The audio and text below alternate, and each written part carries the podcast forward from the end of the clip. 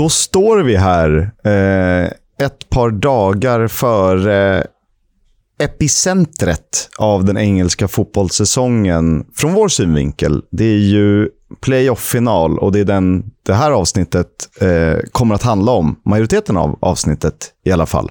Så vi säger väl eh, hallå Leo? Nej, hallå där Kisk. Alltså, det är ju crescendot på hela jäkla säsongen. Det är allt vi har gått och väntat på och drömt om sedan vi började pilla med den här podden i augusti. Så uh, ja, jag har lite finalnerver redan nu tror jag. Det har jag också. Det är ju det upptäckte jag i söndags efter att ha kollat på den sista Premier League-omgången plus lite annat smått och gott. Det var ju serieavslutning och det blev dramatiskt på egentligen alla håll och kanter. Men vi framåt nio-rycket där, då infann det sig en, en väldig tomhet.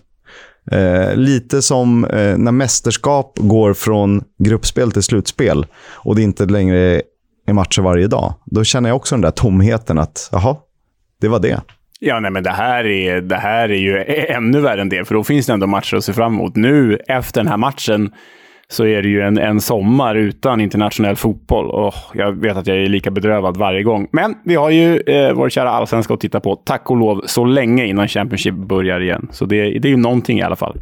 Ja, men vi har inte det heller, för att eh, allsvenskan tar ju sommarledighet i juni efter helgen. Och sen är det inga allsvenskt förrän i juli, vilket man kan ju Sablar, diskutera. Sablar, det har jag ju rätt i. Det har jag inte ens tänkt. Åh. Vi har ingenting. Åh. Om man inte vill åka ut till Djursholms oh, IP och kolla FC Samp eller ta sig till Täby och kolla ditt eh, sjö, eh, Sjökrickan. Ja, ni är varmt välkomna. Gratis inträde. Jag bjuder på Borghetti till alla som kommer till, till Djursholm. Vi ska också meddela att det här avsnittet sponsras av Fotboll Direkt Plus. Och eh, om man är en EFL-vän som vill veta lite mer om svensk fotboll med fördjupning och allt vad det innebär så går man in på Fotboll Direkt och prenumererar. Och så uppger man koden EFL. Då får man första månaden premium för bara 9 kronor. Och så enkelt är det. Jag säger så här, har du eh, spänt fast dig Leo? För det har blivit dags för playoff-finaluppladdning. Plus mer. Och vi har ju faktiskt en gäst, om än på distans, den här veckan. Det är väldigt roligt att han ville vara med. Ja, vi säger väl det redan nu i teasern med Jonas Eriksson, ni vet domaren och eh, Forest-supporten Jonas Eriksson. Exakt, och det blir väldigt speciellt i och med att man gör förändringar eh, kring domarsituationen just till den här finalen. Mer om det i det vi ska prata om snart.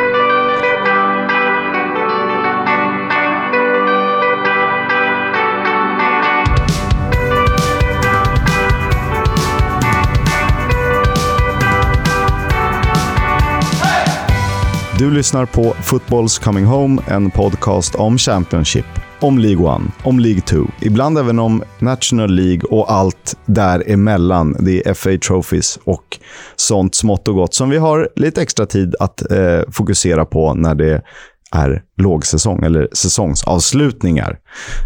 Och vi ska börja med League 1-finalen, eller hur Leo? Det är klart vi ska göra det. Sunderland mot Wickham, denna match av kontraster. Ja, det är ju verkligen. För det är ju en tidigare storklubb med Premier League-mått mätt mot en tidigare amatörklubb som ni fick eh, höra om ni, som ni fick veta om ni lyssnade på förra veckans avsnitt. Mm, var ju, eh, gjorde mig tyvärr lite kluven inför den här finalen att göra, göra det Wickham-avsnittet. För jag var ju rätt säker på att jag ändå stod med eh, massorna här och var Sunderland-trogen inför den här finalen. Men för att jag jobbat upp eh, Wickham-avsnittet så blev jag väldigt eh, osäker på vad jag skulle välja. Så jag satt väl och var väldigt neutral i den här fighten. Eh, jag hade väl helst sett att båda skulle gå upp, men det är ju tyvärr en omöjlighet i dessa dagar. Och det är ju roligt när stora klubbar ändå eh, är i vår serie.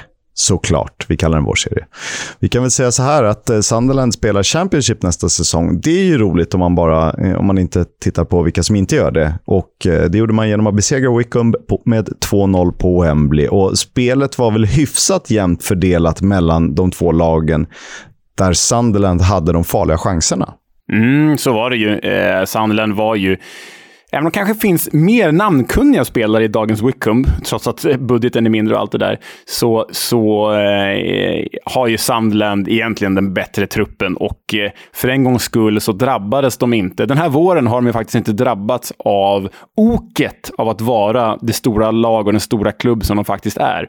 Och det visar de ju direkt när Elliot Embleton, mannen med det väldigt härliga namnet, rullar bra på tungan, Elliot Embleton dundrade in 1-0 redan efter 12 minuter. Det är ju ett eh, skott hårdare än en stenvägg.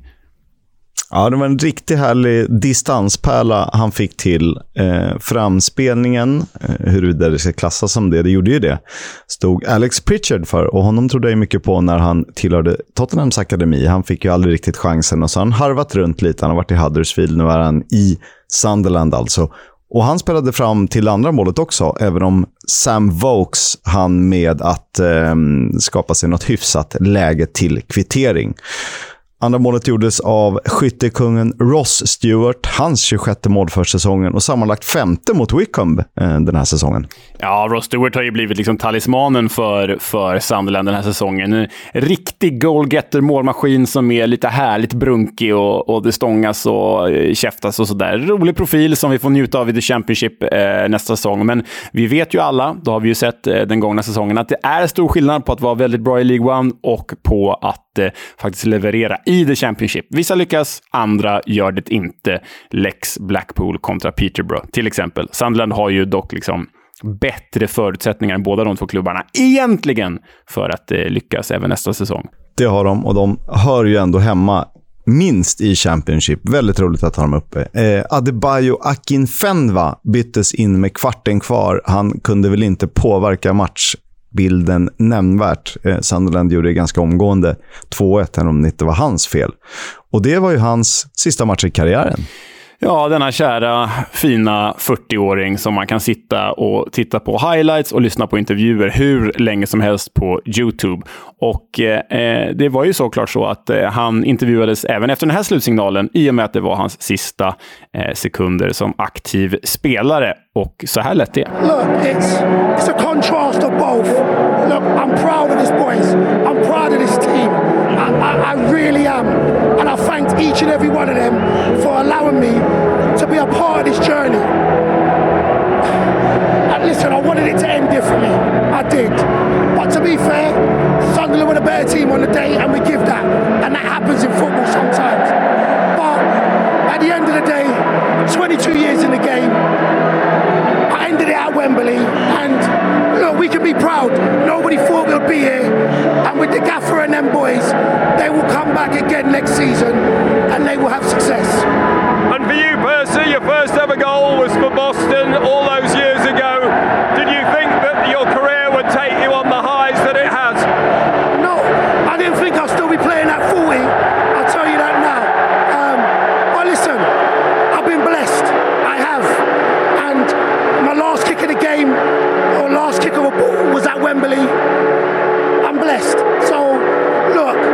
I'll my feelings today. But I will, I'll celebrate the achievements of getting here. I'll celebrate the achievements of becoming a professional footballer. And listen, uh, I don't know. I wanted it to end differently, but it's football. En fin man, eh, verkar ha värderingarna på rätt ställe och är ju en fin förebild för, för unga människor att man inte behöver eh, gå Premier League-vägen med konstiga frisyrer och rosa skor. Han ansågs ju vara för stor för att spela fotboll en gång i tiden. Nu eh, lägger han skorna på hyllan efter att ha varit två mål från Championship. Ja, och redan har spelat Championship en gång och blivit Wickhams bästa målskytt genom tiderna i IFL. Eh, det är en otrolig eh, personlighet här. Och så ser han ju ut som en wrestlingbrottare också. Eh, man gillar ju verkligen Adebayo Akinfenwa.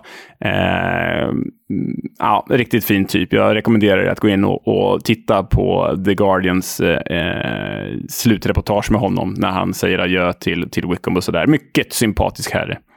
Vad härlig stämning på Wembley. Sunderland välkomnas tillbaka till det vi kallar det riktiga finrummet efter fyra säsonger i League One. Och givetvis har de ju potential för något stort eh, med deras storlek. Och Eh, de har ju en rätt framskjuten position i maratontabellen. Den är ju kul att hamna vid. Ja, de ligger alltså på tionde plats i engelska maratontabellen före klubbar som West Ham och Leeds, som de har ju verkligen hemma, inte bara i The Championship, även om vi med glädje tar emot dem. De har ju hemma på övre halvan av Premier League-tabellen egentligen. Eh, massivt supporterstöd har de ju. Men eh, vi får väl hoppas att vi får njuta av dem i flera år i The Championship efter de här fyra långa åren i League One.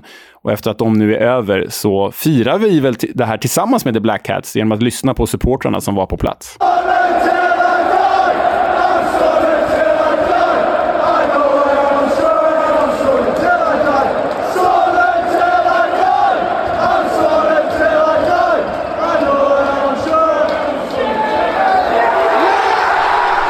Fint alltså med Sunderland tillbaka i Championship. Eh, vi blickar mot söndagen. Där avgjordes ju Premier League-säsongen. Sedan tidigare var både Norwich och Watford klara för nedflyttning. Och det blev dramatiskt. Det stod ju mellan Leeds och Burnley. Leeds hade sämre utgångsläge inför den sista omgången. De hade ju betydligt sämre målskillnad. De var på samma poäng. Men de lyckades lösa någonting fint till slut. Tyvärr för vår del. Jag hade gärna sett Leeds i, i vår liga eh, med tanke på deras historik. Eh, men det blev alltså Burnley som blev tredje klubb att flyttas ner från Premier League. Och vad tänker vi kring det här då, Leo? Nej, men jag håller med dig. Jag hade också gärna hellre haft eh, Leeds. Känns som en liksom, roligare klubb att jobba med. Vi hade säkert fått fler lyssnare. Alla Burnley-fans där ute får ursäkta. Plus att jag är ju liksom, Blackburn är ju mitt andra lag i England och Blackburn är ju bittra rivaler till Burnley. Så det finns liksom någon liten antagonism i mig också gentemot eh, eh, Burnley. Men vi välkomnar väl dem eh, med glädje ändå. Eh, för det finns ju mycket att eh, berätta kring detta Burnley. För det här Burnley kan ju faktiskt bli ett nytt Leeds eller ett nytt Sunderland eller värre. Jag vet inte hur insatt du är i deras ekonomi, Kisk, men de har haft amerikanska ägare sedan december 2020, amerikanska riskkapitalister. Så, och de heter ALK Capital. Och eh, de har inte bara fört ner klubben i The Championship nu, utan de har ju skuldsatt den långt upp över öronen. Eh, det är en väldigt oviss framtid för Burnley. Nu får de ju fallskärms eh, parachute payments för att ramla ner från The Premier League. Men det snackas ju i England om att det här kan ha varit en dödsstöt för Burnley. Att de kommer bara rasa och rasa. Så vi får se eh, hur det artar sig för dem nästa säsong. Vi hoppas ju inte det. Samtidigt eh, har det ju varit en plåga att titta på Burnley när de då främst har mött Tottenham eh, som ett lag som eh, vill framåt medan Burnley har eh, jagat enkla poäng och då backat hem. Det har ju varit att se, kolla på en handbollsmatch där bara ett lag får anfalla. Eh, så därför tycker jag ändå att de eh, förtjänar sin plats i Championship. Sen är det lite roligt med Norwich som alltid brukar göra bra säsonger, lite likt Fulham. Så de har ju på förhand ett litet favoritskap på sig om de får behålla sina stjärnor. Ja, välskött klubb också dessutom. Exakt. Och roligt med Watford tycker jag, eh, som jag har varit och sett på Vicarage Road. Elton John, framför allt är ju Watford Marco Cassetti för mig och lite Alessandro Diamanti. Ja, härliga... Det ska jag berätta om i avsnittet. Jag kanske till och med får ta den någon gång. Ja, det tycker jag tycker du får göra. Och, och grejen med Watford är att vi har ju den gode Ken Sema där nu som fått spela mycket på slutet efter att degraderingen blev klar. Så jag tänker att de ser honom som en stjärna likt förra gången eh, de spelade i The Championship. Eh, så honom ska vi försöka knyta till oss på ett eller annat sätt. Och vi har ju haft fler svenskar där. Joel Ekstrand bland andra. Mm. Eh, så är läget i alla fall. Och eh, vi ska titta till lite udda tävlingar. FA Trophy, det är alltså FA-cupen för semiprofessionella lag som spelar på engelska nivå 5 till 8. Och där möttes Wrexham och Bromley. Ja, och det, det var ju speciellt, för det här är ju då Wrexham då som ja, sedan, vad är det, ett år, äg, eh, ett år tillbaka ägs av Ryan Reynolds och eh, eh Rob McElhenney, Hollywood-skådespelarna, eh, som dessutom var på plats, på plats tillsammans med 46 000 andra i publiken. Det här spelas ju på stora scener även på Wembley, detta. Men walesiska Wrexham vann ju inte den här finalen, Kisk. Det gjorde ju Bromley. Och det var Michael Cheek, den pålitlige målskytt för nivån i alla fall. Han gjorde 21 mål förra säsongen, då blev han skyttekung. Nu har han gjort 17 mål och eh, han satte det avgörande målet i finalen i den 63 minuten och Bromley fick fira. Det var deras första FA Trophy-titel. Mm. Ehm, sen var det ju så att eh, Ryan Reynolds och eh, Rob McElhenney, amerikaner som de är, kanske inte riktigt är insatta i hur fotbollen fungerar än. För det var ju så att Wrexham gjorde ju 1-0. En slängnick i öppen bur på en retur. Ehm, eh, och då firade ju eh, Ryan Reynolds och Rob McElhenney på VIP-läktaren så in i helskotta med sitt entourage. Eh, finns roliga bilder på YouTube. Men det är väldigt tydligt att målet döms bort, bort väldigt fort för offside. Alltså, Spelarna hinner inte ens fira, så fort döms det bort. Det döms bort på sekunden. Medan Ryan Reynolds och Rob McElhenney fortsätter att fira i evigheter. Inte alls medvetna om vad den här offsiden innebär. Så lite obekväm stämning när de firar järnet medan Bromley bara ställer upp för frispark. Ja, det är härligt, men de verkar vara rätt populära ändå ju. Ja, det, de är ju det. De är, eh, Ryan Reynolds i alla fall har ju fått eh, fina ramsor från Wrexham-fansen. Vi kan ju lyssna.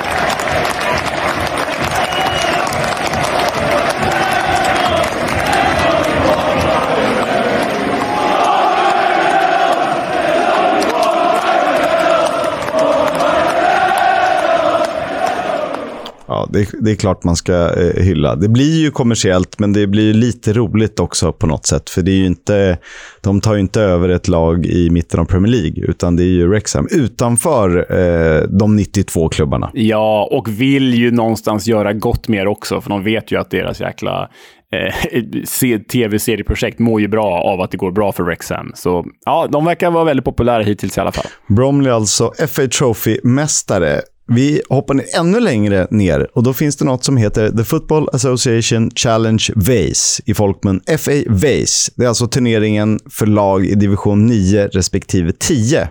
Eller nivå, om man så säger. Och där var det Littlehampton Town, beläget mellan Brighton och Portsmouth på sydkusten, som mötte Newport Pagnell Town utanför Milton Keynes i Buckinghamshire. Och eh, den matchen... Vad, vad är du i det här eh, finalmötet? Vilken sida står du på? Är du en Littlehampton Towner eller en Newport Pagnell Towner? Ja, men jag, eh, alltså så här, eftersom det finns ett annat lag i närheten av Milton Keynes så vill man ju hålla på dem. Eh, men samtidigt är jag ju lite småförälskad i den engelska sydkusten. Brighton är ju otroligt trevligt. Och sen har vi ju där bandet, eh, pärlbandet med Pompey och Southampton och Bournemouth och lite längre bort Plymouth. Eh, plus ett gäng andra trevliga orter. Så att, mm, Ja, det är svårt, men jag måste säga Littlehampton med tanke på att de föll ganska tungt. Så att jag tar stöd för de, de svagare. Ja, jag är, jag är med det där. Little, Little Hampton Town, det är vårt gäng. Det är vårt gäng i, i nian. ja, precis. Jag är alltså lägre ner än vad man själv spelar och de får ändå lira på Wembley inför 15 000 åskådare. Ja, det är sinnessjukt. Men fatta stort är det då för Newport Pagnell Town som faktiskt vinner den här matchen då med, med, med, med 3-0. Ah, det, det, är så oerhört härligt att det finns så djupt rotat i den engelska folksjälen, den här eh, fotbollshierarkin och fotbollspyramiden, så att det till och med kommer 15 000 personer till Wembley för att se ja, men den här matchen. Det är ju som att se, eh, som att våra lag skulle möta skridskor ungefär framför 15 000 åskådare. Nivåmässigt, ja. Eh, så är de några fler som bor där och eh, fotboll är religion och kultur på ett helt annat sätt. Kieran Barnes eh, gjorde ett mål, Ben Shepard gjorde två mål. Eh, bara föra till protokollet. Om de kanske blir några framgångssagor, det vet vi inte.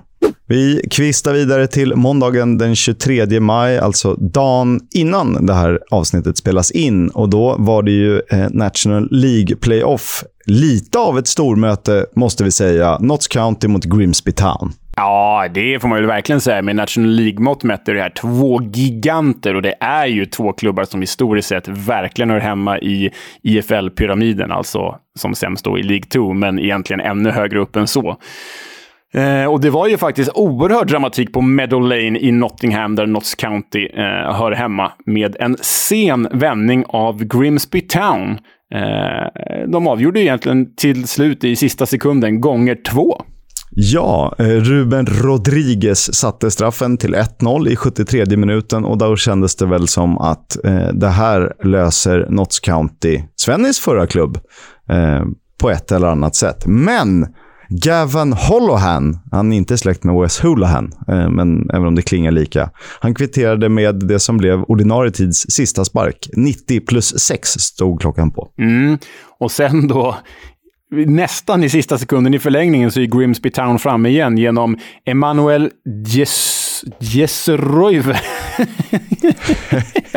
nu har du många olika språk som skulle... Jag tror att han, eh, engelsmännen säger Emanuel Diserove. Diserove. Ja, vad är han? Är han holländare eller? Eh, jag vet faktiskt inte. Emanuel Diserove. Ja, vi säger Diserove. Emanuel Diserove avgör ju då för Grimsby i den 119 minuten med en minut kvar till straffläggning. Det är ju... Ja, Grimsby Town vet när man ska sparka in dörrar. De kommer sent till festen, men då jävla festas det i alla fall. 96 minuten och 119 vände de på den här eh, tillställningen. Och nu väntar alltså semifinal för Grimsby Town mot just eh, tidigare nämnda Rexham. Han heter Emanuel eh, Aghogo Oluwafemi Diserove. Han är född i Leeds. Han spelar till vardags i Tranmere, men alltså utlånad till Grimsby Town. Eh, fostrad i Sheffield Wednesday, 27 år gammal. Varsågoda för information. Sanslös dramatik som han, jag tror till och med han bröstar in det sista målet om jag inte missminner mig. Eh, en match spelas ikväll. Där möts Halifax och Chesterfield. Den missar vi att ta med, men ni får hålla utkik. Och vi behöver inte dra alla lag, men vi kan ju dra de nya lagen i Championship säsongen 2022-2023 som inleds i slutet av juli. Vi hoppas vara med er då. Och där är 23 av 24 lag klara. På söndag möts alltså Huddersfield och Nottingham. Då vet vi vilka som blir kvar i vårt finrum. Tre nya lag från Premier League. Det är Burnley, Norwich och Watford. Och så tre nya från League One. Mm. Rotherham United med Victor Johansson i mål. Vi har klassiska anrika fina Sunderland och så har vi Wigan Athletic. Ja, det blir härligt. Eh, vi får se vilket blir, som blir det 24 lag att bli klart. De som åkte ur var alltså Barnsley, Derby och Peterborough, det vet ni. Och de som flyttades upp i Premier League är Fulham och Bournemouth hittills. Och sen blir det alltså Huddersfield eller Nottingham Forest. En supporter till Sunderland som bor i grannstaden Newcastle, han skulle resa till London för att se League One Playoff-finalen mot Wickham. Men eh, när han försökte boka flyg och tåg så insåg han att det är alldeles för dyrt och jag vill inte lägga så pass mycket pengar. Men han var eh, flink i fingrarna så att han hittade en resa via Menorca. Det blev alltså billigare för honom att flyga från Newcastle via Menorca med en, eh, natt, med en övernattning på vandrarhem. Och så landade han i London och så löste han skjuts hem. Alltså, det är ju i första hand är det ju, ju vanvettigt roligt, för det är ju fullkomlig idioti det här på så många sätt. Ett, att han orkar göra det. Två, som leder mig in på det på det andra, så gör mig nästan lite mer så här eh, apokalyptiskt dystopiskt. Jag har ju oerhört jobbigt samvete över, över klimatfrågan just nu och det här, sådana här saker hjälper ju inte till med det. Hur fan kan det vara så att det är billigare att flyga via Menorca med övernattning än att bara ta tåget från Newcastle till London? Helskotta allihopa. Ja, men, Va? Vet, nu har jag aldrig åkt mellan just Newcastle och London. Jag har åkt Edinburgh Newcastle, men vad kan resan ta? Tre timmar med tåg. Kanske till och med kortare med någon form av snabbtåg. Men det, och så ska han flyga via Menorca och bo en natt där. Det känns ju hål i huvudet. Men det är en rolig story. Ja, det är, det är absolut en rolig story. Kan man, kan man bara släppa eh, allt kring bajsnödigheten kring miljön, som jag har svårt att släppa, då, då är det ju ytterst roligt. Fullkomlig galenskap. Jag har inte samma eh, flygskam som du, men italienarna säger det finast. Kilometri d'amore. mycket bra. Mycket fint. Ja, vidare nyhetsväg så har då Oliver, Oliver McBurney, Oliver McBurney, ni vet Sheffield United-anfallaren, hans attack efter eh, kvalförlusten mot Nottingham Forest. Han sparkar ju en, en Forest-supporter eh, på gräsmattan efter, eh, under planstavningen. Eh, en supporter som ligger ner då. Det har startats en polisutredning efter att han då har stampat på den här personen. Det finns ju eh, video på detta, så vi får se hur det går för den gode Olly McBurney som, ja, god, det vet jag inte om han är då, men för Olly McBurney eh, som kanske var nödgad till självförsvar, det vet vi inte. Det är lite samma som Patrick Vieira. Jag har inte, man får ju liksom inte riktigt se situationen innan eh, Olly McBurney, men det är lite live by the gun, die by the gun, eh, om man ska vara hård. Eh, om var går gränsen för vad en supporter får göra och vad en spelare eller ledare eh, tvingas stå ut med gentemot vad de ska förtjäna tillbaka? Det, det är ju inte en... Det är gyllene regeln fast omvänt, men jag tror att ni förstår vad jag menar. Ja, alltså våld ska vi aldrig uppmuntra till, men man förstår ju att Patrik Vira eh, eh, tappade på, på Everton-supporten där och vi har inte sett Ollie McBurneys eh, vad som hänt innan, men man förstår att spelare eller tränare känner sig extremt trängda i sådana situationer. Till exempel Robin Olsson då när han blev daskad i ansiktet flertalet gånger mot Manchester City. Så eh, det, våld är aldrig bra, men eh, det kanske har behövts i självförsvar. Det vet vi inte. Ollie McBurney har också, det finns ju klipp på honom när han står på Swanseas bortaläktare är det va? Och eh, hänger med sina polare. Han verkar vara en, eh, en skön karaktär på sitt sätt. Ja, ja. He, he's a lad. Ja, he's a lad. Eh, fem spelare i Championship spelade samtliga minuter i ligan den gångna säsongen. Och Det här vet ni vilka det är om ni följer oss på Twitter, EFL-podden. John Egan, Sheffield United, Jacob Greaves, Hull City, Matt Grimes i Swansea, Curtis Davis i Derby County och Bartosz Bialkowski i Millwall. Ni är en riktigt bra five-a-sider där. Alltså. Otroligt five-a-sider-gäng. Ja, alltså, Oerhört köttigt gäng. testa och tunnla, det smäller ju. Ja, ja. ja eh, över till mitt kära lag då. Fulham vill ju ha en ny första målvakt eh, när de kliver upp i Premier League nästa säsong då Marek Rodak och Paolo Gazzaniga inte eh, bedöms hålla på den nivån. Så de sägs förhandla med Lazios eh, polska målvakt, är han väl, Tomas Strakosza. Eh, som Han är väl alban, va? Albanien, förlåt, Albanien, ja såklart. Eh, som också intresserar Newcastle. Tra- Strakosza har ju gjort det hyfsat bra i Serie A de senaste säsongerna. Jag hade kanske hoppats på något eh, större namn, men visst, Strakosza är okej. Det känns ju väldigt rimligt, rimligt som nykomling att eh, värva Strakosha. Om man själv vill det förstås. Men det lär ju finnas pengar i den eh, sign-on-bonusen. Verkligen. Fulham har släppt kvartetten, eh, en ganska namnkunnig sådan för nivån. Cyrus Christie, Alfie Mawson, Michael Hector och Jean-Michel Seri. Eh, Cyrus Christie har vi pratat om tidigare. De andra tre, hade du velat ta med dem upp? Nej, alltså Alfie Mawson var, gjorde ju en dundersäsong i Swansea för några år sedan innan Fulham värvade honom och var ju oerhört lovande. Men, för, men Mawson och Hector har ju varit två av Fulhams absolut sämsta värvningar i modern tid. Mycket pengar på mittbackar som inte alls har levererat och Hector har ju visat sig vara en Finlandsfärja långsammare än jag själv. Eh, så att bli av med, med Christy Mawson Hector, det gör ju inget. Men Jean-Michel Seri, hallå? Oerhörd högsta nivå. Eh, ganska ojämn förvisso, men jag hade gärna sett honom som eh, en av tre, fyra gubbar och rotera på ett centralt, centralt mittfält. Han hade jag gärna haft kvar. Han kanske vill ha eh, garanterad speltid, något som man inte nödvändigtvis får i Fulham, givet att man vill ha kanske en mer stabil karaktär på den positionen.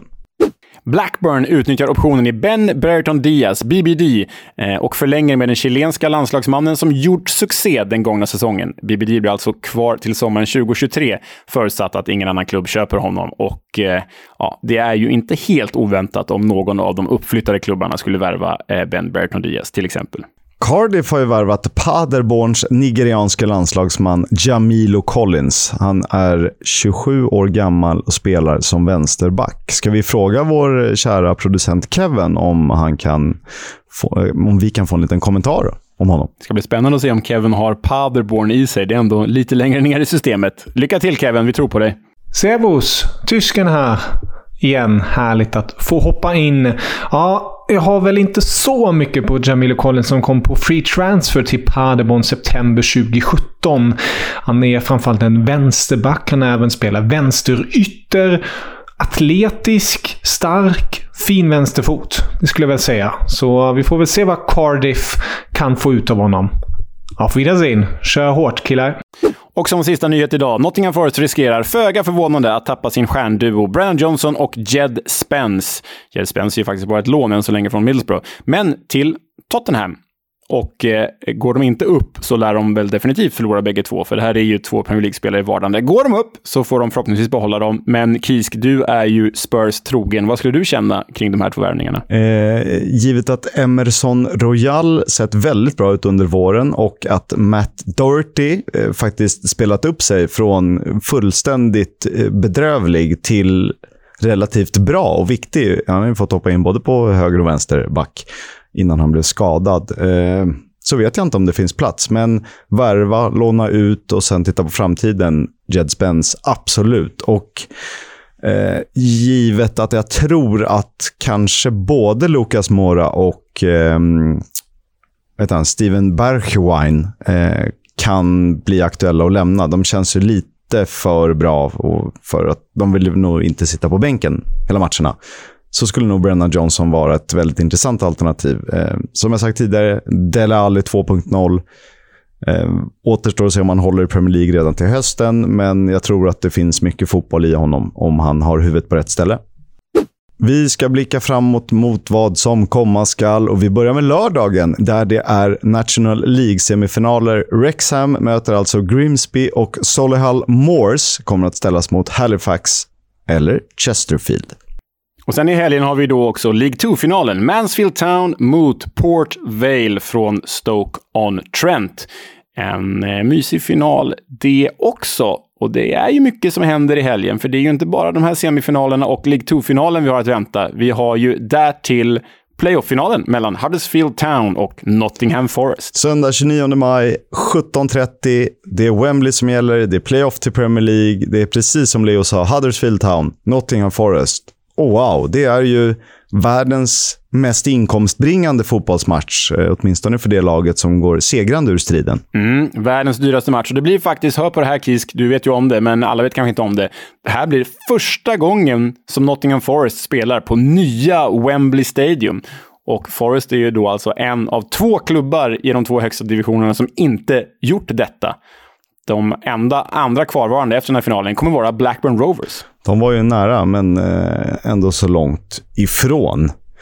Eh, Huddersfield har tagit sju segrar och två oavgjorda på de nio senaste. De är bra på att vinna matcher, men de gör det sällan med stora siffror. Och Det är faktiskt så att blott två gånger har man gjort fler än två mål under 2022. Och Forest i sin tur, de har bara, inom citationstecken, vunnit en av de fyra senaste matcherna. Men de har ju å andra sidan bara fyra förluster sedan februari. Det är alltså fyra förluster på 19 matcher. Exakt, och de vann ju mot Sheffield United över två möten, så att um, så är det. Lagen har mötts tre gånger den här säsongen. Två i ligan och en i FA-cupen. I ligaspelet så vann båda lagen sina respektive bortamatcher. Nottingham Forest eh, vann med 2-0 borta mot Huddersfield, Lewis Graban och ett självmål från Lee Nichols. Sen vann Huddersfield på City Ground när Dwayne Holmes avgjorde och i FA-cupen så blev det 2-1 till hemmalaget Nottingham. Eh, Sam Surridge, Ryan Yates, tröstmål Tom Lees eh, inledde ju faktiskt målskyttet där i FA-cupen när Nottingham tog sig vidare.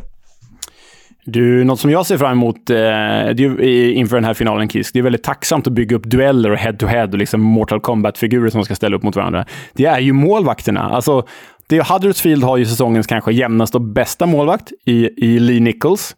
Medan eh, Nottingham Forest ståtar med den mest spektakulära och den med kanske högst högsta nivå. Eh, och kanske lägst lägsta nivå också, i Brice Samba som ju blev oerhörd eh, straffsuperhjälte i semifinalen där mot, eh, mot Sheffield United. Så det kan bli avgörande i den, i den här finalen, skulle jag tro. Ja, och i ett, eh, i ett lagbygge som Huddersfield är, där man kanske inte har lika klart lysande stjärnor som Nottingham har ju ändå en Brennan Johnson som är en härlig figur att hänga upp det på, så blir målvaktsduellen eh, väldigt, väldigt, väldigt intressant. Och i, förmodligen blir den avgörande, för det är inte osannolikt att det tar sig till straffar. Det vet vi inte, men eh, jag har en liten känsla att det kan bli så. Jag har för mig att eh, förra gången Huddersfield gick upp, då slog de väl jag har för mig att de slog Fulham i semifinal och så slog de Reading i final. Och det var ju på straffar då i finalen där. Eh, då hette ju målvakten Jonas Lössel. Eh, nej, det gjorde han inte. De, Jonas Lössel var ju målvakten och värvade till Premier League. Eh, målvakten då var ju han eh, Ward, eh, walesiska landslagsmålvakten, utlånad från Liverpool. Men det jag ville komma till är ju att Huddersfield har gjort det här förut på straffar och eh, varit väldigt täta och solida defensivt. Så de har ju historiken med sig. Det blir ju en uddamålsseger åt något håll, om det blir det. Annars blir det ju en förlängning. Och då blir det uddamål, eller straffar. Och då blir det ju vad det blir. Och då blir det målvakt som avgör på ett eller annat sätt. Förmodligen. Eh, domare är John Moss. Han gör sin sista match. Och eh, som vi sa, vi har Jonas Eriksson med. Och vi ska bedöma honom och valet att ha en domare som gör sin sista match, alltså avskedsföreställningen. Eh, vi kan i alla fall säga att Mark Clattenburg, jag läste en intervju med honom, han var djupt kritisk till att man avslutar med en så pass viktig uppgift eh, för karriären. Och eh, jag kan inte annat än att hålla med. Nej, det är ju kanske svårt att hålla fokus då. Det här får Jonas Eriksson utveckla kring lite senare i avsnittet. Huddersfield slutade ju högre upp i tabellen. De kom ju trea i The Championship. Forest eh, kom ju på fjärde plats. Och därmed står Huddersfield som hemmalag i finalen, vilket gör att de kommer spela i sina hemmaställ. Forests hemmashorts krockar dock med Huddersfields vita.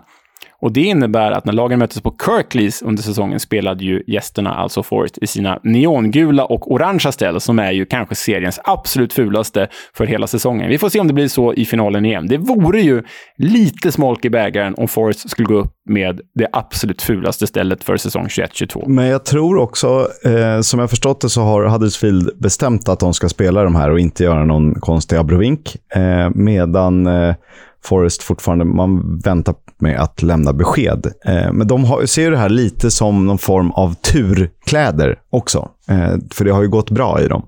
Ja. Så att man inte är helt oävna. De, de är ju hemska att spela med och mot. De hade ju de på sig när de slog ut Sheffield United, bland annat. Vi tittar på Huddersfield och vägen till final. De slutade trea i Championship, fick således möta ligasexan Luton i playoff. Där spelade man 1-1 borta och vann med 1-0 på hemmaplan. Och eh, sett till skadeläget och avstängningar så lär Sorba Thomas, som hoppade in i senaste semifinalen, han lär vara 100%. Danny Ward, anfallaren, klev dock av senast, men bör kunna spela. Och Ollie Turton är tveksam till spel. Formen då? Fem senaste. Seger oavgjord, seger, seger, seger och 8-3 i målskillnad. Ett eh, dunderfacit när man vill kliva ut till en final. Verkligen. Och den preliminära startelvan, ni känner igen det vid det här laget. I mål, Lee Nichols. Trebackslinje, Tom Lees, Jonathan Hogg, Levi Colwell. Och sen då mittfältet från höger, Sorba Thomas, Jonathan Russell, Lewis O'Brien och Harry Toffolo. I eh, hålet bakom, mellan mittfält och anfall, Dwayne Holmes och framför honom Daniel Sinani, luxemburgaren och Danny Ward. Det här är alltså tisdag när vi spelar in och eh, man får invänta rapporter och se. Men det är så det tros bli. Inga jätteskadebekymmer. Eh, de spelare som är närmst startelvan vid händelse av skador. Det är hjälten Jordan Rhodes på topp skulle kunna ersätta en eventuellt då skadad Danny Ward. Eh, försvaren eh, på tur blir Nabi Sarr. På yttern har man Pipa Avila samt Olly Turton. Främste målskytt i Huddersfield är Danny Ward. Han har gjort 14 mål den här säsongen och meste framspelare är föga oväntat Sorba Thomas. 12 assister. Vi blickar mot Nottingham Forest, eh, vars väg till final eh, började lite i moll eftersom de släppte in ett sent mål mot Hull i sista omgången och tappade därmed tredjeplatsen till Huddersfield. Sen ställdes de mot Sheffield United i semifinal, vann med 2-1 borta tappade 1-0 till 1-2 hemma och med flyt och en otrolig insats från Bliss Samba vann man efter straffar. Mm, det är ju verkligen så. Känslan är att Huddersfield kom ju in i den här finalen mycket mer samlade och bättre än Forest. Men skjutsen som Samba gav eh, sitt Forest där i, i, senaste semifinalen kan ju kanske verkligen injicerat både mod och eh, tro på det här i Forest-lägret. Ja, skador och avstängningar. Vi var inne på det inför semifinalerna. De saknar alltså Lewis Grabben och Max Lowe. Två ordinarie pjäser. Två tunga tapp för Forest. Och gällande Max Lowe så blir det nog sent om han skulle kunna bli aktuell för spel. Lewis Grabben definitivt out. Eh, formen svajar lite. Förlust, seger, oavgjord, förlust, seger. 9-6 i målskillnad. Och den preliminära elvan då. Briss Samba i mål. Trebackslinje med Joe Worrell, Steve Cook, Scott McKenna. Den är ju fan snudd på ogenomtränglig den där trion. Ja, den är ruggigt stark. Oerhört stark. Och mittfältet är ju ännu bättre. Jed Spence till höger, James Garner, Ryan Yates centralt på mitten, Jack Colback som egentligen inte ska spela där, men gör det just nu ute till vänster istället för Max Lowe. Philip Sinkernagel som kreativ dansk framför dem. Och på topp, Brennan Johnson och Sam Surridge. Och det är, båda ställer ju upp med lite 3-4-2-1, men det kan också bli 3-4-1-2 om de vill. Och eh, Det gör ju ingenting om man har Brennan Johnson i hålet. Eh, så det kan ju variera. Det är lite samma med Dwayne Holmes och eh, Sinani Award. De tre D-na där. Triple D att de kan vara lite flytande på positionerna. De som är närmst startelvan då, anfallsmonstret Keenan Davis och den allsidiga mittfältaren Joe Lolly. Mm. Främsta målskytt och meste framspelare i Forest är ju allas vår favorit Brennan Johnson. 18 mål, 10 assist. Allas vår favorit såklart. Eh, jag tog mig friheten att ta ut en kombinerad elva som kallas för Not Nottingfield Forest Town. jag väljer ändå att ha Lee Nichols i mål, för man vill ha en trygg sista utpost. Säger du emot? Nej, jag är med på Lee Nichols, jag också. Absolut. I backlinjen så tror jag vi båda är överens med att vi ställer upp laget typ 4-3-3, 4-3-2-1 om man så vill. Eh, man vill ha Jed Spence på högerbacken och man vill ha Harry Toffolo på vänsterbacken, givet att Max Lowe är skadad. Helt överens. Jag hade haft Harry Toffolo även om eh, Max Lowe var frisk. Det hade jag också. Eh, Joe Worrell är väl kanske den som har lyst klarast, men det betyder inte att Steve Cook eller Scott McKenna på något sätt varit dåliga. Och Det är lite samma med, med Huddersfield som har en trygg trea där, men jag väljer ändå Levi Colwill givet talang och han är ung och har imponerat. Ah, här kan man verkligen välja och vraka kring bägge eh, lagens mittbackar. Men ska man eh, välja två så landar man väl där. Det är speciellt segment där jag bara sitter och håller med dig. Men jag landar också i Joe Warhol och Levi Colwell. Jag håller med. Och en, om jag får ta ut en central mittfältstrea så väljer jag Forrest-duon James Garner och Ryan Yates. Och Sen skulle jag nog vilja klämma in Lewis O'Brien mellan dem. Ja, helt ense. Samma tre där. Hittills alltså då, eh, sju spelare av sju möjliga helt överens om. Eh, att Brennan Johnson är med, det kan vi ta i hand på. Eh, sen blir det lite svårare, för Louis Grabben hade man ju kunnat trycka in här om han hade varit skadefri. Eh, men jag vill ändå Danny Ward, för att jag tycker att han är en sån spelare som inte borde vara så bra, men har faktiskt imponerat den här säsongen. Ja, men 14 mål är ju som sagt, det är ju stabilt. Jag eh, hade nog kört Daniel Sinani bara av den anledningen att han faktiskt är luxemburgare. Ja. Du tar Sinani, jag tar Ward. Och sen skulle jag vilja ha på den tredje anfallspositionen Filip Zinker-Nagel. Jag har gillat honom sen Watford. Ja, vi är överens där också. Så det skilde på en position av elva möjliga. det är ju ändå eh, något. Framförallt vinner ju Forest mot Huddersfield med 6-5 då i den gemensamma elvan. Det gör de, men laget Huddersfield och att de har varit Nej, de har inte varit bra hela säsongen. De var ju faktiskt så att de började väldigt starkt och sen började de dippa medan Steve Cooper eh, injicerade hela Forest med EPO eller något annat. Precis, det är ju... Ja, men det är ju... Så är det ju. Forest har ju varit raketen, Huddersfield har varit till mestadels väldigt stabila och trygga. Jag tror att det här kommer se, se ut lite så i finalen också, för Forest är ju ett lag som kör. Huddersfield är ju lite tryggare och lugnare och mer balanserat än så. Så är det. Eh, om, du, om jag ställer dig här mot väggen, vad tror du? Eller hur tror du att det slutar? Jag ser framför mig en ganska tät final eh, som kommer avgöras med ett uddamål. Eh, kanske till och med gå hela vägen till straffar. Men jag säger, jag säger nog att det avgörs på uddamål och eh, jag vet inte. Jag säger nog att Huddersfields rätt så nyliga erfarenhet av det här ändå eh, och varit uppe i Premier League ganska nyligen. Jag tror att, och deras liksom, trygghet inför det här mötet. Jag tror att eh, Huddersfield, fast jag egentligen tycker att det är ett sämre lag inom citationstecken, eh, kommer klara det här eh, och att Steve Cooper får se sig som förlorare igen efter att ha varit här med Swansea då, eh, förra året. Så nej, jag säger att Huddersfield vinner med uddamålet. Vad har du för känsla? Eh, ja, de brukar ju vinna med uddamålet, så det är ju inte att sticka ut hakan. Alltså, jag tror ju att Forrest kommer försöka, eller kommer få eh, möjlighet att styra tempot i matchen ganska tidigt. Eh, det har vi sett Huddersfield låta andra lag göra, även om de själva är skickliga på att hålla i bollen. Eh, de är rätt vassa på kontringar också. Eh, men jag... 2-1 tror jag blir slutresultat. Jag tror att det sker i förlängning. Och bara för att du säger Huddersfield, som jag egentligen lutade lite mer åt, så säger jag 2-1 Nottingham Forest. Och det är klart att det är, det är sonen från bygden, Brennan Johnson, som ska göra det. Ja, ja, ja, ja, eh, jag hoppas att eh, du har rätt, tror jag att jag hoppas på. Men, men spännande. Då får vi den eh, förloraren av så bjuder den andra på lunch helt enkelt. Eh, det tycker jag låter som en strålande idé. sen är det lite vad vi vill. Och här är man ju tudelad, åtminstone jag. För att jag vill ju, jag tycker att Nottingham Forest förtjänar att gå upp. Det är, det är bara så. Efter många år och långa bedrövelser så är det liksom dags. Samtidigt har det varit ett otroligt härligt lag att eh, bevaka så pass nära, särskilt när de har gått bra. Så att jag vill ju också ha kvar dem i Championship. Nej, men vi, vi är inne på samma nivå här. Alltså, den kraft och, jag ska inte säga passion, för det är klart att det finns samma passion kring Huddersfield som det finns i Forest, men den kraft och den liksom råa publikkapacitet som finns i Forest, givet att de dessutom är en så här klassisk traditionsförening, gör ju att de bara liksom meriterat på sitt namn förtjänar en plats i Premier League. De har inte varit där uppe sedan 1999. Så av den anledningen vill jag se dem i Premier League. Jag ser dem också gärna i Premier League för att jag tror att de har potential att lyckas där på sikt. Det var ett lite lurigt ägandeskap, eh, trigger happy liksom, men jag tror ändå att de skulle kunna göra en Brighton etablera sig i Premier League.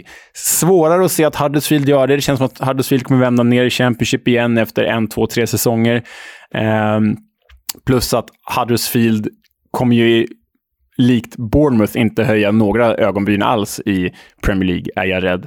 Uh, så ja, nej, av den anledningen vill jag se Forest istället för Huddersfield. Men som du säger, det är ju också mycket roligare att bevaka det här Forest än det är att bevaka det här Huddersfield. Carlos Corberan i all ära.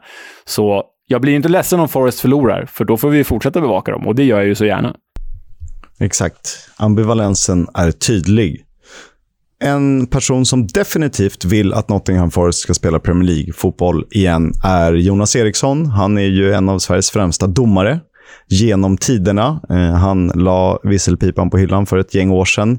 Eh, men han ska eh, berätta lite om hur det blev Forest, eh, hur hans relation har sett ut genom åren, hur det har varit att döma fotboll men ändå ha ett favoritlag. För det har ju ganska många domare, men det pratas det ju inte så mycket om. Det är ju mer sociala mediekommentarer som slängs. Vilka hans favoriter är genom åren och nu. Dessutom så är det väldigt intressant för att man har bestämt att VAR ska vara med på under finalen eh, som ett stöd till domarna om man väljer att se det på det sättet. Eh, hans tankar om VAR i allmänhet, om hur det kommer att gå i helgen när det bara införs sådär rakt av. Eh, och om det är två olika sporter med eller utan VAR. Vi eh, hör med Jonas. Otroligt roligt att ha Jonas Eriksson med oss. Eh, för han har ju dubbla kopplingar till finalen. Han är inte bara en av Sveriges bästa domare genom tiderna. Han håller också på Nottingham Forest. Hur är läget Jonas? Nervöst, om jag ska summera det med ett ord. Eh, hade någon sagt att ni skulle ringa upp mig och prata om en playoff-final som Nottingham Forest ska spela, ja, någon gång i oktober så har jag sagt att nu har ni druckit alldeles för mycket och alldeles för länge. Men nu sitter vi här och det är ju en overklighetskänsla, verkligen. Och, och kul, häftigt, spännande, men samtidigt ohyggligt nervös. Ja. Kvalmatcher i allmänhet är ju hemska när man har sympati för ett lag. Och när det är en match, en avgörande, där allt står och hänger på det. Ja. Det har varit fjärilar i magen ända sedan, eh, sedan semifinalen eh, häromveckan. Så att, ja, det, det är jobbigt men roligt tidigt. Jag förstår det. Eh, om vi backar bandet då. Hur blev det Nottingham Forest? Ja, det där är en fråga som, som många, många undrar. Det är inte det kanske det vanligaste laget, men, men jag var 1980 sommaren. Jag gick fotbollsskolan i Luleå, min hemstad. Och, och, vi stod i en lång kö vid ett bord och så kom man fram till någon. Jag var ju jättenervös och spänd. Jag kommer ihåg att, att vi märkte att de, när man kom fram till bordet så blev man, fick man gå vidare till ett nytt bord. Någon som stod med en pinne med ett namn på. Och jag fick gå till något, det heter Nottingham. Och jag visste inte vad det var, men min pappa förklarade liksom att men det, det är ett jättebra lag, de är bäst i Europa. okej. Okay. Så hamnade vi där. Det var, någon blev Arsenal, någon blev Nottingham, någon blev Malmö FF, någon blev Liverpool, någon blev AIK. Och Nottingham blev mitt lag. Och sen förstod jag att, att det här var en klubb, att de var bra jag fick se på Tipsextra någon gång. Jag kommer ihåg, jag gjorde kopplingen med sheriffen av Nottingham, Robin Hood. Jag förstod att det här är en plats. Eh, och sen fick jag se klubbmärket.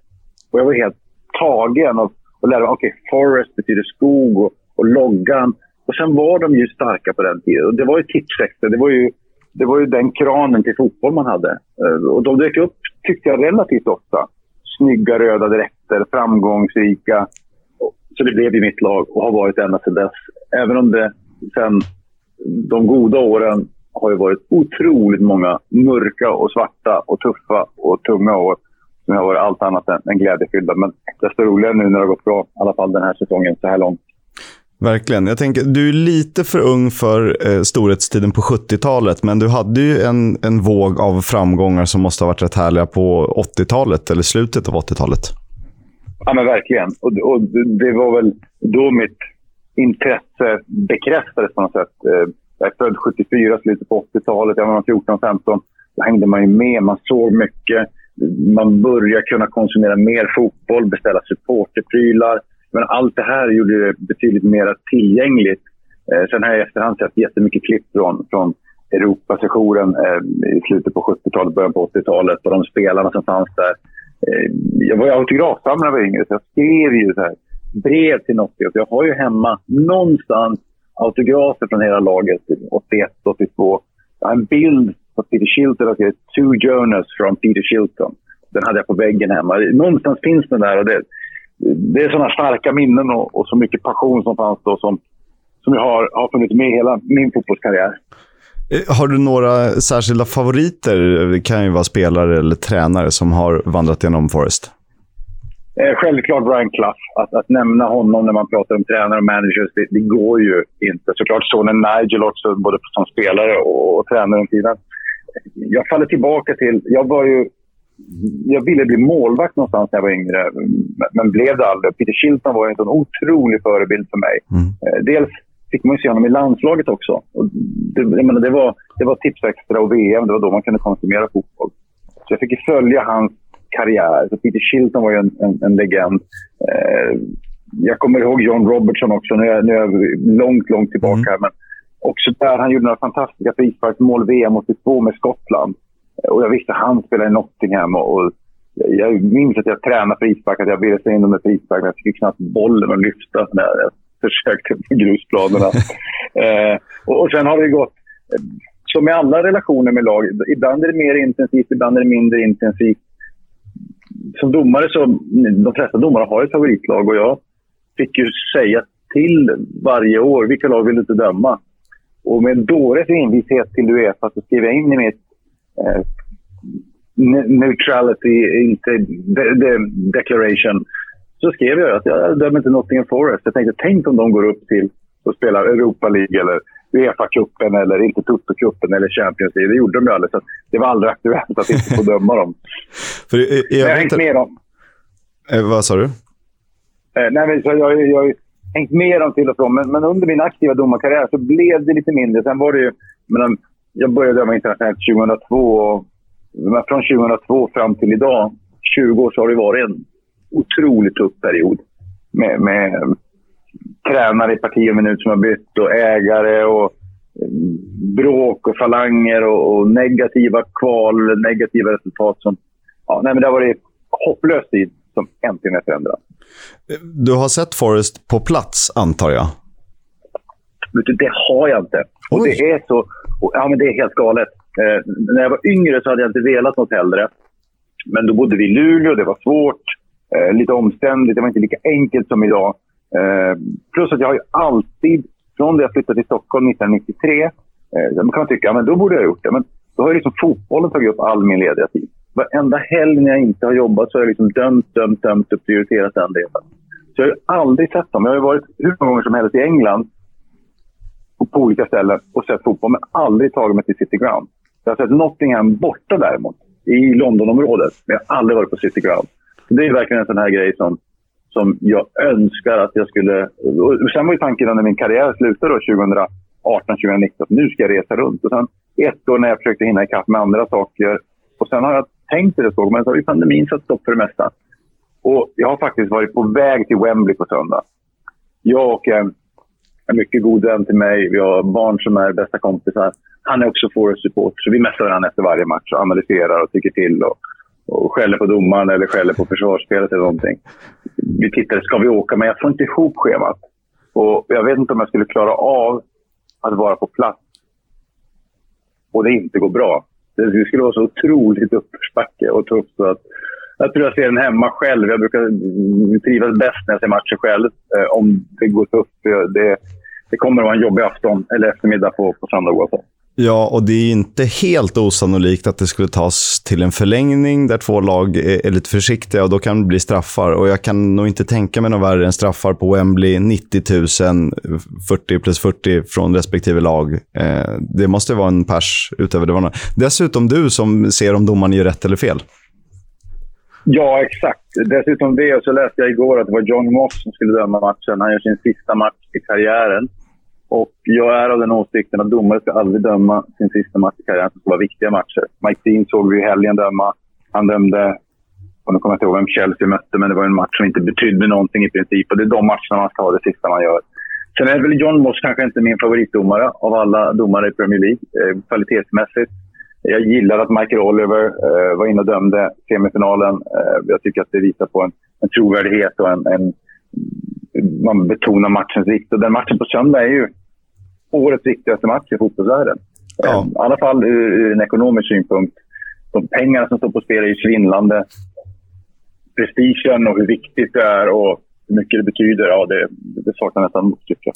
Om du som domare får eh, kommentera, varför är John Moss inte en bra domare? Eller eh, bra är han väl, men varför är han inte så bra så att han ska döma, tycker du? Ja, men, för det första så är jag eh, av den första och fulla övertygelsen att man, man ska aldrig döma... Sin sista match ska man inte vara... Ska man inte ha en match som betyder mycket och inte så här mycket. Eh, för det man gör i slutet av en domarkarriär, vet jag av erfarenhet, är att man tänker lite grann på sin legacy. Eh, det låter, det låter pretentiöst när man pratar om en fotbollsdomare. Men, men man vill inte hamna i fokus. Man vill inte att sista matchen ska vara att man dömer en hand som är felaktig. Det innebär att man blir rädd för att ta beslut. Och en domare som är rädd för att ta beslut tar oftast fel beslut. Man måste vara beredd att ta de tuffa besluten. Sen är John Moss 51 år och jag tycker erfarenhet är någonting fantastiskt kring fotbollsdömning. De bästa domarna är de mest erfarna. Jag tycker att John Moss har visat den här säsongen och tidigare att han inte riktigt hänger med. Att han är tuff med fysiken, att han inte riktigt är upp till den kvalitet som krävs. Det går inte att jämföra honom med Michael Oliver eller Anthony Taylor som jag tycker är två överlägset bästa domarna i Premier League. Eh, därför är jag förvånad att man, att man ger honom den här matchen eh, som en avslutning på karriären. Eh, och ja, Man ska aldrig döma honom på förhand, men jag hade hellre sett att de hade gett Taylor chansen eller Oliver. Eh, jag, det hade känts bättre trovärdighetsmässigt om du frågar mig. Eh, I allsvenskan pratas det ju en hel del om att eh, nivån på domarna matchar nivån på spelarna. Och då automatiskt sett så borde ju domarna i England vara mycket, mycket bättre eftersom de ska matcha eh, nivån på fotbollen i Premier League eller Championship. Eh, mm. Är det så? Ja, men det handlar ju väldigt mycket om att, att utbilda domare, coacha dem, utveckla dem, att se till att det finns en konkurrenssituation men anledningen till att England har så många domare som är så pass gamla, eh, Martin Atkinson, Mike Dean, eh, John Moss till exempel, eh, tre domare som nu slutar.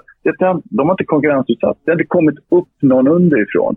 Och det är ett krav, framförallt när de har så bra förutsättningar som de har. Man tjänar väldigt, väldigt bra på att vara Premier League-domare. Det innebär att man hänger kvar så länge det bara går.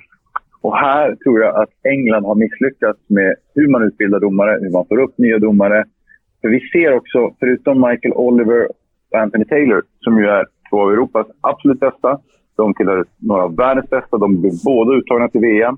Det säger någonting om att England har en topp som är hög, men det finns inte en bredd bland domarna. Därunder är det väldigt, väldigt tomt och det saknas en hel del kompetens. Så jag tror att PGMOL, som organisationen heter, som utbildar domare, anställer dem och tränar dem, bör tänka på ett lite annat sätt för att få upp domare på högsta nivå. Så att, nej, ligan har inte, har inte lika bra domare som den förtjänar rent spelmässigt. Eh, så är det. Eh, och jag tror att vi varje vecka när vi ser olika matcher här kan titta på vår läktare i Sverige och tycka att nej, men här, här saknas det kompetens. Och det gör det. Eh, och sen saknas det också en hantering av videoassisterande domare var i England som för mig har varit en gåta väldigt många gånger. Hur de jobbar och hur de tänker och på vilket sätt de agerar. För den har inte riktigt stämt överens med, med min filosofi alla gånger. Nej, eh, omtvistat är det. Och nu har det ju beslutats att VAR ska användas på just playoff-finalen. Man gjorde inte det på semifinalen, det var snack om det, eh, men de struntade mm. i det. Men till finalen ska det vara och det kan man ju tycka är skönt på ett sätt. Men jag vet ju att du är lite skeptisk eh, till VAR och hur det har använts. Ja, alltså jag, jag är ju grunden för VAR. Vi kan inte, vara, vi kan inte ha 90 000 på Wembley på, på söndag eh, och alla ser på sin mobiltelefon efter 10 sekunder att men titta här, det var en solklar hand. Handen är långt utanför kroppen och ingen av de fyra domarna på plats har sett det. Det blir fel, det är inte rättvist. Eh, men jag, därför är jag för VAR. Men jag är inte för på vilket sätt man använder VAR. Det får inte ta så lång tid. En offside kan inte ta två, tre minuter att bena ut där man ska analysera om nästippen eventuellt var offside, om knäskålen med en centimeter var på fel sida. Tar det för lång tid, då ska man inte använda videoassisterande domare. Och de situationer man ska gå in på, det är de när vi tio personer tycker att det är straff. Inte när det är 8-2 eller 7-3 eller 6-4. Nej, nej, nej. Det är de uppenbart tydliga. Då kommer det heller inte ta lång tid. Eh, sen tycker jag att videoassisterande domare idag Eh, är ute efter fel saker ibland. Man är ute efter millimeter i vissa avseenden, men man tittar aldrig på filmningar. Eh, vilket ju för mig är helt galet. När vi har kameror som detekterar och identifierar filmningar, varför gör vi inte någonting åt det? Eh, för mig är det obegripligt. Jag tycker att man borde skriva om protokollet, men idag får man inte göra på det sättet. Och Det tycker jag är frustrerande när man sitter och tittar på fotboll. Eh, jag håller med dig. Och om vi tittar på just finalen så inför man VAR så här sent på säsongen. Och där höjde jag lite på ögonbrynen och tyckte att om man inte haft det på hela säsongen, nu ska man plötsligt applicera det i den viktigaste matchen. En av, av kanske världens mest inkomstbringande fotbollsmatch, eller det är det ju. Eh, hur ja. känner du inför det, att bara trycka på knappen så sent? Ja, men jag, jag tycker att det ändå är ganska okej okay med tanke på att den, den det är mest nytt för att spela med VAR, det är domaren. Och eftersom John Moss har dömt i två eller tre säsonger i Premier League med videoassisterande så för honom är det fullständig vardag. Han dömer precis som vanligt. Spelarna däremot, de får förhålla sig till att det finns videoassisterande domare och då säger vissa att ja, det är ingenting att förhålla sig till. Jo, det är det. Det finns lite smågrejer som man kan anpassa i sitt spel, där man kan utnyttja VAR, där man kan eh, tänka lite annorlunda eh, kring hur man sätter igång spelet, hur man sätter press på domaren för att visa vad som har hänt. Det här är detaljer vi pratar om. Men, men jag hade varit väldigt orolig om man hade tagit in en domare som inte hade dömt med VAR. För det är en helt annat sätt att tänka på. Det är en helt annan kommunikation. Och många domare, när de dömer med VAR, till en början, blir det jag brukar säga beslutsimpotenta. De tar inga beslut. De tänker att ah, det är bättre att jag inte tar ett beslut och så får VAR säga till att jag har gjort fel i så fall. Men en domare, när man har VAR, ska döma precis som man alltid har gjort. Det ska inte vara någon skillnad. Man ska döma för det man tycker och upplever på plats och, och tro att man gör rätt. Och sen i nästa skede så får de korrigera dig om det blir fel helt enkelt. Kritiker menar att det är två, nästan två olika sporter. En med och en utan VAR. Eh, håller du med det? Absolut, jag kan, jag kan hålla med om det. Och, och jag tror att vi ser de här de domare som finns idag på högsta nivå. De kommer från att ha varit domare utan VAR. Och sen kommer de in i VAR och lär sig det. Eh, om tio år kommer alla domare som kommer upp på högsta nivå att vara tränade med VAR.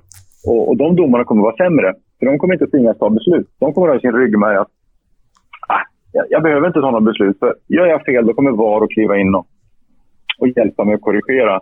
Och jag tror fortfarande den bästa domaren är en domare som tar beslut när han eller hon ser vad som händer. Inte att man väntar in eventuell feedback från assisterande domare, fjärde domare eller videodomare. Jag tror att det där är otroligt viktigt att, att ta med sig. Så det kommer bli en annan typ av träning och vi ser också en regelbok som skrivs om alla ändringar i regelboken som har gjorts senaste åren, de kommer nästan uteslutande för att man vill tydliggöra beslut som händer för VAR. Och då glömmer man bort den vanliga regelboken. Vi ska veta att av all världens fotboll kan det vara en halv procent som har VAR.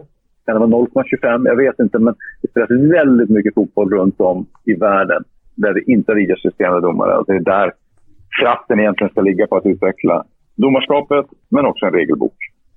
Helt klart. Eh, om vi tittar lite snabbt kring Forest då. Det har ju gått jättebra den här säsongen. Hur mycket har du hunnit se av framgången?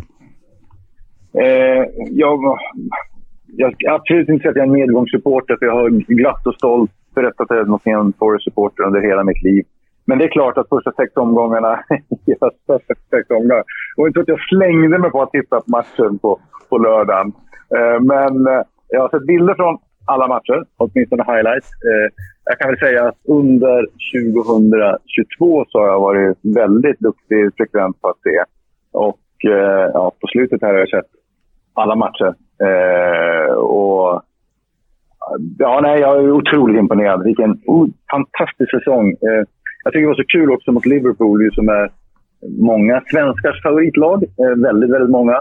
Att, att vi fick möta dem och att det blev en så pass bra match. 1-0 i 75 minuten när det var att kunna hålla uppe spelet så pass bra mot ett Liverpool som är, som är Europas kanske bästa lag på, på många sätt. Det var en otrolig styrkemätning och, och kul, kul test på hur det skulle kunna vara att eventuellt kliva upp den där divisionen som, som vi drömmer om så mycket.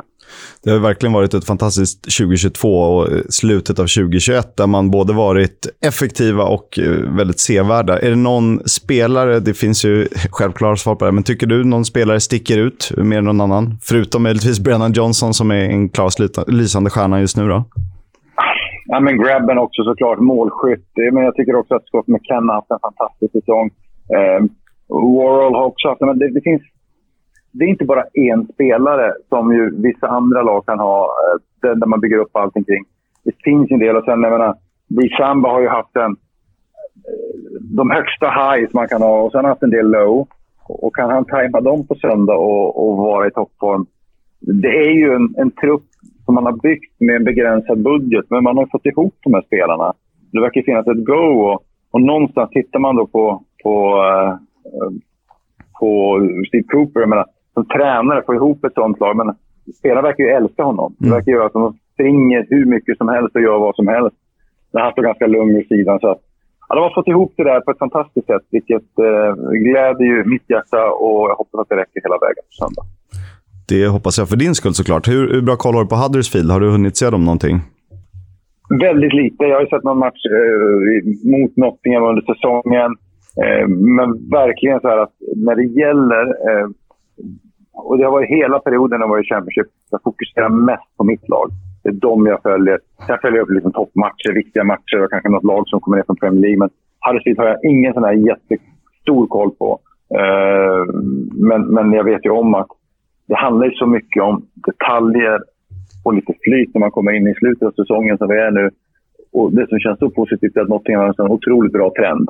Att det är så många matcher, egentligen utan förlust, där man har lyckats takta på, eh, klarat av tuffa motstånd och att man har hållit i den här formen så länge. Så jag är otroligt positiv och eh, skön känsla inför söndagens match.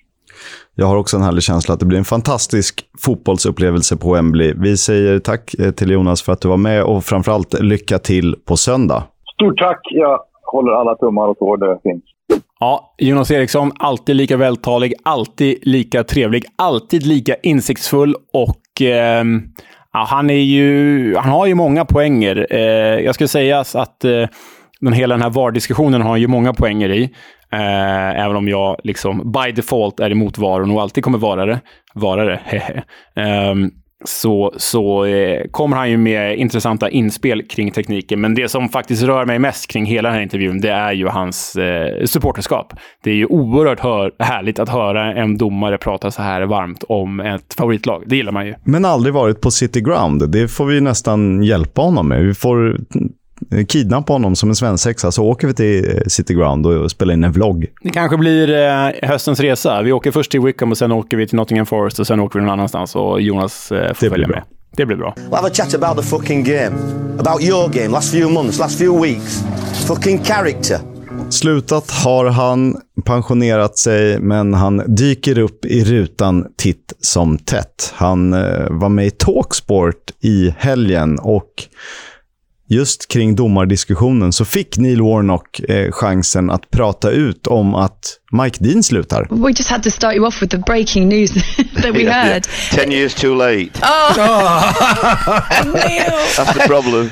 Don't forget I'm always with a little club, so you know Mike always Ooh. tends, like some of the other referees, they always tend to go with the, you know, the bigger clubs. But Mike Dean listen, he's, he's, as, he's as good as anything. When you look at him, he, he, he has great games. I look at him and I think he doesn't have to do what he does. He almost does things in the game to put himself out there when he doesn't have to. Are you going to send Mike uh, a happy retirement card? I wouldn't spend 12 pence on him. No, is that I don't whatever the cost of a stamp, I wouldn't spend it on Mike Dean if I'm honest. He's cost me more than that over the years. Ja, han, den gode Nocken, han eh, håller ju inte tillbaka på kritiken.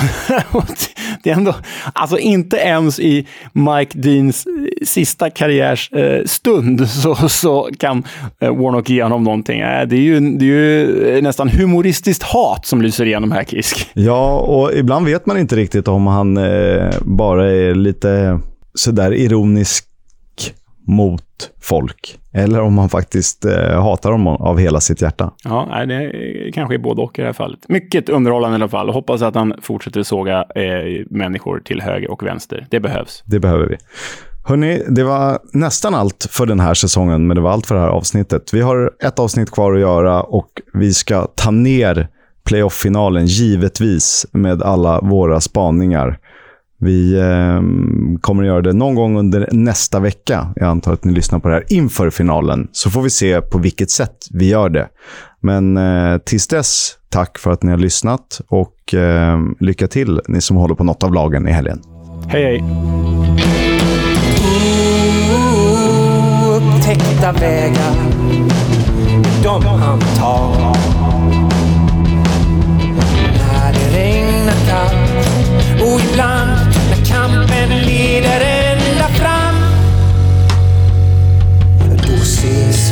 for love.